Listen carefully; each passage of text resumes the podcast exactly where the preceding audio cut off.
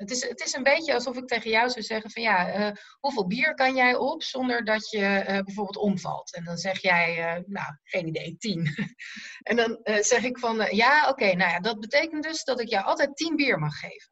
Maar als je ondertussen ook al vijf wodka op hebt en weet ik wat nog niet allemaal, kortom, een enorme cocktail aan alcohol naar binnen hebt gekregen, dan lig jij natuurlijk, voordat je aan die tien bier bent begonnen, lig je al onder de tafel. Ja. Nou, zo werkt het ook met bestrijdingsmiddelen. Je moet dat wel ja, in relatie tot elkaar zien en niet apart gaan testen, want daar heb je gewoon heel weinig aan. Ja.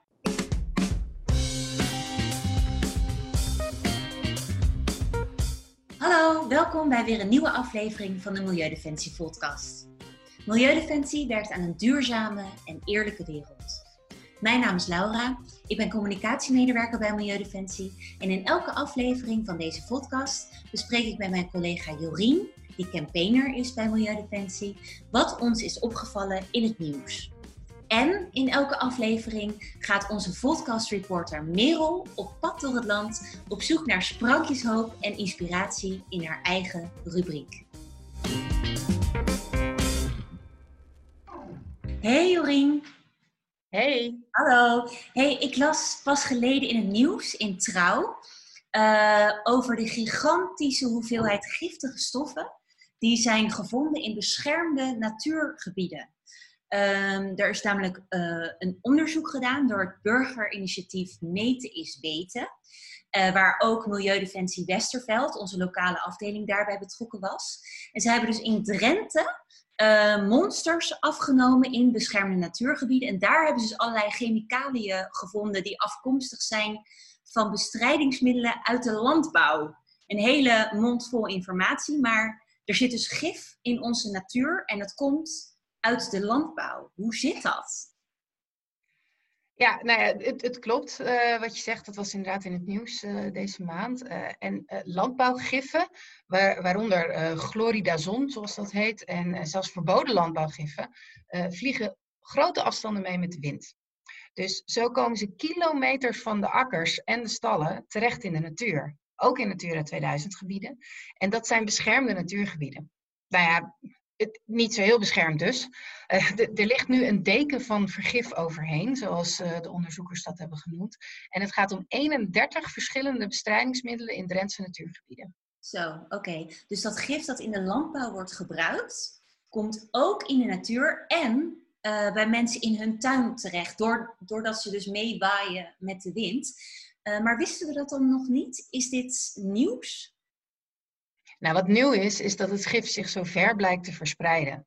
Want eerst werd aangenomen dat het gif minder ver van de landbouwgronden kon komen, dus alleen aan de randen van natuurgebieden. Wat overigens ook niet oké is. Hè? Ik bedoel, dat hebben milieuorganisaties al heel vaak uh, aangekaart. Maar nu blijkt dus dat die giftige stoffen ook echt midden in de beschermde natuurgebieden zitten. En het verspreidt zich dus op veel grotere afstanden dan aanvankelijk gedacht en onderzocht. Met alle gevolgen van dien. Welke gevolgen? Nou, allereerst is het natuurlijk zeer schadelijk voor de natuur. Hè? Ik bedoel, de, de, planten en de dieren die er leven, die worden er ziek van of die gaan er zelfs aan dood. En hierdoor neemt de biodiversiteit weer af. Dat is niet alleen schadelijk voor de natuur zelf, maar ook voor ons mensen, want wij zijn afhankelijk van een goede biodiversiteit. Hoezo zijn we daar eigenlijk van afhankelijk? Hoe zit dat? De verschillende soorten op aarde die houden de natuur in balans, zoals we dat noemen. En het zorgt voor de productie van zuurstof, vruchtbare grond, uh, schoon water. Eigenlijk al die bouwstenen die we nodig hebben om te overleven. En ook belangrijke medicijnen komen bijvoorbeeld uit de natuur. En wij, waar het op neerkomt is dat wij onderdeel zijn van de natuur, oftewel het ecosysteem. En dat willen we nog wel eens vergeten als mensen, uh, met al onze uh, super fabrieksproducten. Dan denk je van, nou ja, dat zal wel niet uit de natuur terechtkomen, maar bijna alles vindt zijn basis in die natuur. En zonder voldoende biodiversiteit wordt ons leven echt heel erg onaangenaam. Want met alleen brandnetels en braamstuiken kom je gewoon niet zo ver. Nee. Nee, dus ja, we zijn echt onderdeel van de natuur. We staan er niet los van, zeg maar. En welke dieren en planten worden dan eigenlijk het meeste bedreigd? Nou, denk aan vogels, uh, maar bijvoorbeeld ook onmisbare kruiden. Maar het meest tot de verbeelding sprekende voorbeeld is waarschijnlijk toch de bij. Die wordt ernstig bedreigd en uh, bijen zijn insecten die planten bestuiven. Waaronder ook landbouwgewassen, zoals groenten en fruit.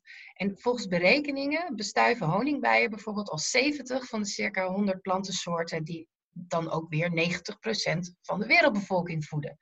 Dus nou lang verhaal kort, zonder bijen hebben wij veel minder te eten. Ja. Sterker nog, als bestuivende insecten zoals de bijen uitsterven, loopt volgens sommige wetenschappers de mensheid ook kans op uitsterving. Zo. Oké, dus die bij is nogal belangrijk voor ons. En, uh, ja, zeker. Ja, en zijn er ook nog directere uh, gevolgen voor de mens? Ja, zeker. In, in Drenthe bijvoorbeeld, waar we het net over hadden, zijn de bewoners al heel erg lang bezorgd over de grote hoeveelheden, grote hoeveelheden pesticiden bijvoorbeeld, die in de lelieteelt gebruikt worden. Er zijn dus zelfs gifsporen gevonden in de luiers van baby's. Zo, in, in luiers, oké. Ja. Um, maar je bedoelt dan dus dat ze de uitwerpselen van baby's hebben onderzocht of daar gif in zit?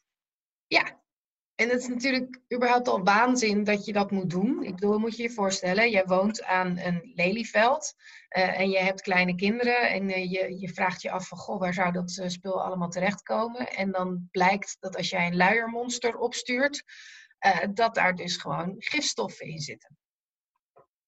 Ja, dat is natuurlijk echt bizar. En... Ja, nou ja, en de, Kijk, wat kan gebeuren is blootstelling aan die giffen. Dat kan uiteindelijk ernstige gezondheidsproblemen veroorzaken. En we weten nog niet precies hoe groot die problemen dan zijn, omdat er eigenlijk nog heel erg weinig onderzoek naar is gedaan.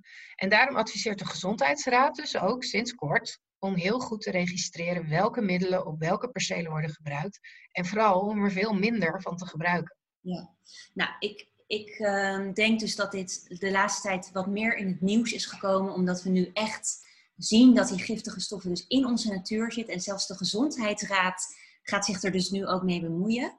Uh, behoorlijk wat aan de hand. Um, hoe komt het eigenlijk? Wat is nou eigenlijk het achterliggende probleem hiervan? Nou ja, de landbouw maakt massaal gebruik van giftige bestrijdingsmiddelen. Ja. En ja, waarom doen ze dat? Heel simpel gezegd, omdat het mag het is lekker makkelijk, het is goedkoop om te gebruiken. En ja, we zijn al zover dat gif zelfs op zaadjes wordt gesmeerd voor planten. Uh, zodat de insecten die aan die plant willen eten, zodra die begint te groeien, meteen al doodgaan. Dat is natuurlijk super efficiënt, maar het is dodelijk voor het ecosysteem. Want de, die ene plaagsoort die jij niet op je aardappelplanten wil hebben of ergens anders, die wordt natuurlijk vergezeld door een heleboel andere dieren die uh, wel goed zijn voor, uh, voor het ecosysteem en eventueel zelfs voor, voor je gewassen. Maar die gaan er ook aan dood. Dus het, het is echt een, een schot hagel uh, om die planten maar insectenvrij te houden. Ja. En ja, kijk, de Nederland. Sorry? Nee, we hebben al die soorten hebben we nodig. Ja, nee, absoluut. En eh, ik bedoel, het gaat al hartstikke slecht met de insecten in Nederland. Uh, dan moeten we natuurlijk niet uh, vrijelijk giftige planten overal gaan neerzetten. En als je er over na gaat denken, waarom doen we dat nou? Dan is een belangrijke reden dat de Nederlandse landbouw op dit moment toch hoofdzakelijk gericht is op massaproductie voor de export. Ja, zo efficiënt mogelijk moet alles. Ja, en, maar heeft de overheid hier dan geen goede regelgeving voor? Dit is toch een bekend probleem, lijkt me. Ja, er is natuurlijk regelgeving, maar die is niet goed genoeg om schade te voorkomen. De regels zijn bijvoorbeeld gebaseerd op laboratoriumtesten. Nou, die testen die kunnen de werkelijke natuur niet voldoende nadoen. De natuur is hartstikke complex. En het echte resultaat zien we daarvoor, daardoor pas als het te laat is. Bovendien worden die testen altijd gedaan op bijvoorbeeld één soort bestrijdingsmiddel. Hè? Maar als je gaat kijken wat er in de landbouw gebruikt wordt, dan is dat heel vaak een cocktail van verschillende bestrijdingsmiddelen. Dus dan heb je uh, tientallen bestrijdingsmiddelen die in de land- en tuinbouw gebruikt worden. Er wordt helemaal geen onderzoek naar gedaan uh, wat dat doet, die combinatie ervan. Het is, het is een beetje alsof ik tegen jou zou zeggen van ja, uh, hoeveel bier kan jij op zonder dat je uh, bijvoorbeeld omvalt? En dan zeg jij, nou, geen idee, tien. en dan zeg ik van ja, oké, nou ja, dat betekent dus dat ik jou altijd tien bier mag geven. Maar als je ondertussen ook al vijf wodka op hebt en weet ik wat nog niet allemaal, kortom, een enorme cocktail aan alcohol naar binnen hebt gekregen, dan lig jij natuurlijk, voordat je aan die tien bier bent begonnen, lig je al onder de tafel. Ja. Nou, zo werkt het ook met bestrijdingsmiddelen. Je moet dat wel ja, in relatie tot elkaar zien en niet apart gaan testen, want daar heb je gewoon heel weinig aan. Ja, oké, dus die tests zijn ook nog niet eh, goed genoeg eigenlijk. En die laboratoria-tests die zijn gewoon niet voldoende om goede regelgeving eigenlijk weer op te baseren. En ehm, wat is dan de reactie van de boeren op, op al dit nieuws op dit moment? Want ik neem aan, ja, de boeren willen toch ook dat de natuur uh, bloeit en groeit? LTO, de Belangenvereniging van de Nederlandse Land- en Tuinbouwers, die zet grote vraagtekens bij het onderzoek van metis, weten en natuurmonumenten. Zij vinden dat de afkomst, uh, of de herkomst eigenlijk, van die giftige stoffen niet kan worden bepaald. En ze vinden het niet wetenschappelijk bewezen dat de gifstoffen afkomstig zijn van de landbouw. En daarmee ontkennen ze dus hun eigen aandeel hierin. Maar dat is dus eigenlijk ook zo. Dat hebben we eigenlijk net gezegd. Van nou, die testen zijn niet betrouwbaar. Uh, het waait mee met de wind. Maar ja, waar komt de wind vandaan? Hebben ze niet een punt? Ja, ja, ja hoeveel bewijs wil je hebben? Ik bedoel, we waarschuwen hier al tientallen jaren voor. Ik bedoel, zelfs de Europese Algemene Rekenkamer sloeg alarm. In, de, in Europa worden echt jaarlijks astronomische hoeveelheden giftige pesticiden gebruikt. En dat al decennia lang. Dat gif hoopt op in de grond, in het water en ook in de mensen en dieren die daarvan eten en drinken. Dat kan en moet echt anders, want we vergiftigen onszelf op deze manier, maar ook de omgeving waarvan we afhankelijk zijn om te overleven. Ja, het is gewoon te veel. Het, je kunt gewoon zien aan de cijfers, hé, hey, we gebruiken zoveel gif, dat kan gewoon niet goed zijn. Oké. Inderdaad. ja, en wat moet er dan gebeuren volgens jou? Wat is de oplossing? Nou ja, dan kom ik weer met mijn puntenlijstje. Ja, ik heb drie dingen. nee, allereerst uh, moeten onafhankelijke wetenschappers die moeten onderzoek kunnen doen. In opdracht van de overheid. Want het is natuurlijk van de zotte dat burgers en milieuorganisaties dit soort dingen moeten aantonen. Nou, als dat onderzoek inmiddels gedaan is, moet vervolgens minister Carole Schouten van Landbouw dat onderzoek gebruiken om nieuw landelijk beleid te maken. Duurzaam beleid waarbij gif verboden, en over, verboden wordt en overtredingen worden bestraft. Oké, dus ten eerste uh, onafhankelijk wetenschappelijk onderzoek. En ten tweede moet daar dan vervolgens landelijk beleid op worden gevoerd. Maar je zei, er zijn drie dingen. Dus wat is de derde? Nou, kijk, als we dit probleem bij de bron willen aanpakken, en dat willen we meestal bij Milieudefensie, dan moeten we dus gaan nadenken over een andere manier voor onze voedselproductie.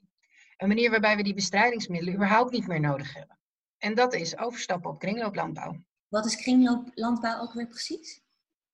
Nou, kringlooplandbouw is een duurzame landbouw, omdat het bijvoorbeeld geen gebruik maakt van gif of van kunstmest. En daarnaast gebruikt het alleen natuurlijke processen, waarbij alle afvalstromen opnieuw worden ingezet. Dus uh, de koeien staan in de wei, uh, de poep van de koeien wordt gebruikt om het land weer vruchtbaar te maken en de gewassen die daarvan groeien worden weer opgegeten door de koeien. Dan heb je de, de kringloop rond, zeg maar. Nou, gewassen die worden beschermd tegen plaagdieren door de natuurlijke vijanden van die plaagdieren in te zetten. Dus je gaat geen gif spuiten, maar uh, je, je zet een beestje uit wat dat beestje wat je niet op je spullen wil hebben, vervolgens weer opeet. Oh ja. Nou, zo is de cirkel dus rond. Er is geen verspilling, er is geen gif en er zijn meer gezonde voedingsstoffen en meer natuur. Nou, het klinkt heel mooi natuurlijk en eigenlijk ook heel logisch. Het vergt misschien wat moeite en lef om dat te gaan doen. Um, maar is er op die manier wel genoeg te eten? Want we willen juist alles zo efficiënt mogelijk. Er zijn onwijs veel mensen op aarde. Met die kringlooplandbouw, kunnen we dan iedereen voeden? De aarde is in staat om zeker 10 miljard mensen te voeden. Dat betekent dus dat er nog ruimte is voor meer dan 2 miljard mensen extra. Want we hebben er nu 8 miljard. Ja, ja bijna 8 miljard inderdaad. Het probleem is alleen dat nu in sommige gebieden er veel te veel eten is. En er heel veel eten wordt verspild, waaronder in Nederland. Wij doen daar echt heel hard aan mee. Terwijl in andere delen van de wereld honger heerst. En dat heeft heel veel te maken met ons eetpatroon, waarbij we veel meer eten dan gezond voor ons is en we de voorkeur hebben voor voedsel nou ja, dat toch slecht is voor het klimaat en de biodiversiteit. Ik bedoel, denk aan de grote hompen vlees die we met z'n allen wegwerken. Dat, dat is uiteindelijk voor niemand goed, ook voor ons niet. Nou, en als je dan gaat bedenken dat 80% van de landbouwgrond ter wereld nu wordt gebruikt om veevoer te maken of om vee op te laten grazen, terwijl dus miljoenen mensen honger lijden, ja, dan moet je je toch gaan afvragen, moeten we niet minder vee krijgen en meer boeren, zodat we inderdaad de hele wereld op een gezonde manier kunnen voeden. Ja. Als meer boeren minder dieren houden en juist meer plantaardig en lokaal produceren, dan is er echt meer dan genoeg voor iedereen. Dat is goed voor onze natuur, voor de dieren, onze gezondheid, maar dus ook het klimaat. Oké, dat, uh, dat klinkt hoopvol. Ehm, eigenlijk wat je zegt is dat we nu ook heel inefficiënt bezig zijn door zoveel vlees te eten. Want die landbouwgronden, 80% dus, die we daarvoor nodig hebben, kunnen we veel beter gebruiken om direct gewassen op te verbouwen die we direct kunnen eten. Oké, duidelijk. En ehm, eh, wat kunnen de luisteraars en kijkers nou zelf doen om hier iets, hier, die giftige stoffen uit te bannen? Ja, nou ja, de, de, de meeste mensen die naar ons luisteren en kijken, zullen waarschijnlijk niet in de landbouw werken. Ehm, dus eh, dan wordt het toch een, een, een, beetje een indirect verhaal. Het meest logisch is natuurlijk koop biologische producten. Uh, daar zitten veel minder uh, pesticiden op. Um, maar ook in heel veel huistuin- en keukenproducten zitten bijvoorbeeld veel stoffen die giftig zijn. Eh, denk even aan uh, bloemen die je koopt om uh, mooi op je keukentafel te zetten, bijvoorbeeld. Die leveren niet alleen een hele hoge CO2-uitstoot op, maar het zijn ook heel vaak gifbommetjes. Gifbommetjes? Mijn bloemen? Ja. ja, om je bloemen zo mooi en helemaal beestjesvrij te krijgen, worden er echt verontrustende hoeveelheden bestrijdingsmiddelen opgespoten. Denk aan het voorbeeld van Drenthe, waar we het net over hadden. Dat gaat over de lelieteelt. daar, daar gaat dus heel erg veel gif in om. Terwijl als je erover gaat nadenken, een mooie gifvrij geteelde kamerplant, die kan je kamer opleuken zonder al die problemen. En dus zijn die wel een beetje mensen... mooi ook? Wat zeg je? Zijn die wel een beetje mooi ook? Ja, het zijn echt, er zijn echt prachtige planten uh, waar de bijen niet dood van plat vallen, dat kan ik je vertellen. Dus dat, uh, die, die zijn er absoluut. Je zult wel een beetje moeten zoeken, want nou ja, heel vaak staat het er niet bij of ze gifvrij geteeld zijn of niet, maar het kan. En ja, kijk, het, wat ik ermee probeer te zeggen is dat heel veel mensen zich vaak helemaal niet bewust zijn van uh, het gif om hen heen. Denk bijvoorbeeld aan de kleren die je aantrekt. Er zit heel vaak gif in. Het matras waar je op slaapt zit gif in. Uh, de bodylotion die je op je lijf smeert zit gif in. Overal en die zit mieren... Ja, ja nee, overal zit gif in. Die, die mierenlokdoosjes die je zo handig vindt, die bevatten dus imidacloprid. Dat is een supersterk landbouwgif en een echte bijenkiller. Nou, denk aan schoonmaakmiddelen. Die gebruiken we omdat het zo lekker hygiënisch is en dus denken we dat dat gezond is. Maar als je er logisch over gaat nadenken, kom je er toch op uit. Ja, als allerlei levende organismen ervan doodgaan, waarom zou het dan niet schadelijk zijn voor jou om ermee in aanraking te komen? Ja, dus wat gaan we doen? Nou, ik persoonlijk, ik, ik heb hier dus een ervaringsverhaal. Uh, ik ben een aantal jaren geleden begonnen met het uitbannen van industrieel gif in mijn huis. Dus uh, vooral met schoonmaakmiddelen merk ik, uh, scheelt dat echt heel veel. Ook in ruimte in het keukenkastje en in de portemonnee trouwens. En het leuke is dat je die schoonmaakmiddelen als een soort van alchemist zelf kunt maken. Hoe doe je dat? Nou, ik heb sowieso maar een paar soorten schoonmaakmiddelen in mijn kast. Dus ik heb natuurazijn tegen bijvoorbeeld kalkaanslag en voor de antibacteriële werking. Ik heb baking soda als uh, schuurmiddel. Ik heb zuiveringszout in mijn huis. Uh, ik heb groene zeep en een allesreiniger van wasnoten. Wat zijn wasnoten? uh, dat zijn vruchten van de zeepboom. die komt uit India en die bevat van nature bevat die zeep. Seponine of saponine heet het, geloof ik. En daarmee kun je de was doen. Gewoon in een zakje in je wasmachine en je was doen. Maar je kunt er dus ook zelf allesreiniger van maken. Je pakt een paar wasnoten, half litertje water, beetje inkoken, half uurtje. Beetje esoterische olie erbij. Ja, het is eigenlijk een beetje alsof je aan het koken bent. Geurtje erbij en uh, nou ja, dan kan je weer een maand vooruit. En al die ingrediënten zijn gewoon te koop in de supermarkt? Uh, ja, klopt. Ik, uh, ik mix ook wel eens middelen door elkaar. Door bijvoorbeeld zuiveringszout met kokend water om de gootsteen te ontstoppen. Of baking soda en vloeibare zeep om een schuurmiddel te creëren. En het is even wennen, ik leer ook steeds weer bij, moet ik, moet ik eerlijk zeggen. En ik moet altijd weer de recepten opzoeken voor bepaalde klusjes. Maar ik ben wel heel erg blij dat ik het nu niet meer in huis heb. Kijk, het was natuurlijk wel makkelijk om in de supermarkt gewoon van alles in mijn, in mijn uh, karretje te gooien en helemaal nergens over na te denken. En helemaal alles uitbannen is ook lastig, omdat ja, het gif wordt aan zoveel producten toegevoegd en als consument weet je dat vaak niet. Hmm. Maar er is dus wel iets wat je wel kunt doen. En bij mij was dat dan uh, dat ik het heel erg leuk vond om, uh, om andersoortige schoonmaakmiddelen te maken. Maar voor een ander uh, zal dat misschien gifvrije kleding kopen zijn. Of ja, weet je, een beetje alleen nog maar kamerplanten kopen. Ja. weet je? Ja. Dus er zijn heel veel verschillende websites ook die je daar bijvoorbeeld tips voor geven. Oké, dan ga ik die, webs die websites ga ik dan weer op onze website zetten voor de luisteraars en kijkers in de show notes. Nou, leuk om te horen dat het helemaal in je systeem zit dus. Ook wel inspirerend, want uh, misschien moet ik daar dan ook maar aan beginnen. Aan zelf bijvoorbeeld beginnen met eigen schoonmaakmiddel maken. Dat zou al een hele hoop helpen, denk ik. Um, dankjewel. Um, ik ga dus alle linkjes in de show notes zetten. En Jorien, ik spreek jou gewoon weer de volgende keer. Joep, tot de volgende. Oké, okay, doeg! En dan nu de rubriek van Merel. Ik ben benieuwd welk sprankje hoop ze ons deze keer geeft. Hi, vandaag wil ik het graag hebben over energiecorporaties. Want om de transitie naar een duurzame samenleving succesvol te maken, is het belangrijk dat deze ook inclusief is. Uh, en dit betekent dat duurzame alternatieven niet alleen beschikbaar en betaalbaar moeten zijn voor mensen met een hoger inkomen, maar ook voor mensen die wat minder te besteden hebben. En op het gebied van hernieuwbare energie zijn door heel Nederland mooie initiatieven ontstaan, namelijk energiecorporaties. Het is namelijk uh, voor veel mensen best duur om zonnepanelen aan te schaffen of uh, heel moeilijk omdat ze bijvoorbeeld in een huurhuis wonen of in een appartement. En energiecorporaties zijn uh, hier een soort oplossing voor. Het zijn eigenlijk verenigingen eh, van wijkbewoners die ehm, op lokale schaal mensen verbinden Um, en investeren in een duurzaam energieproject. En dit zijn dus bijvoorbeeld voornamelijk zonnepanelen.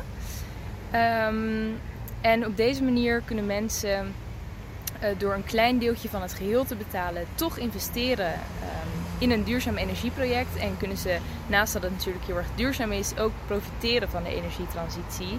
Uh, omdat het ook uh, vaak een korting op de energierekening uh, levert. En ik sta hier in het Dakpark in Rotterdam. En achter mij ligt de wijk um, Bospolder Tussendijken.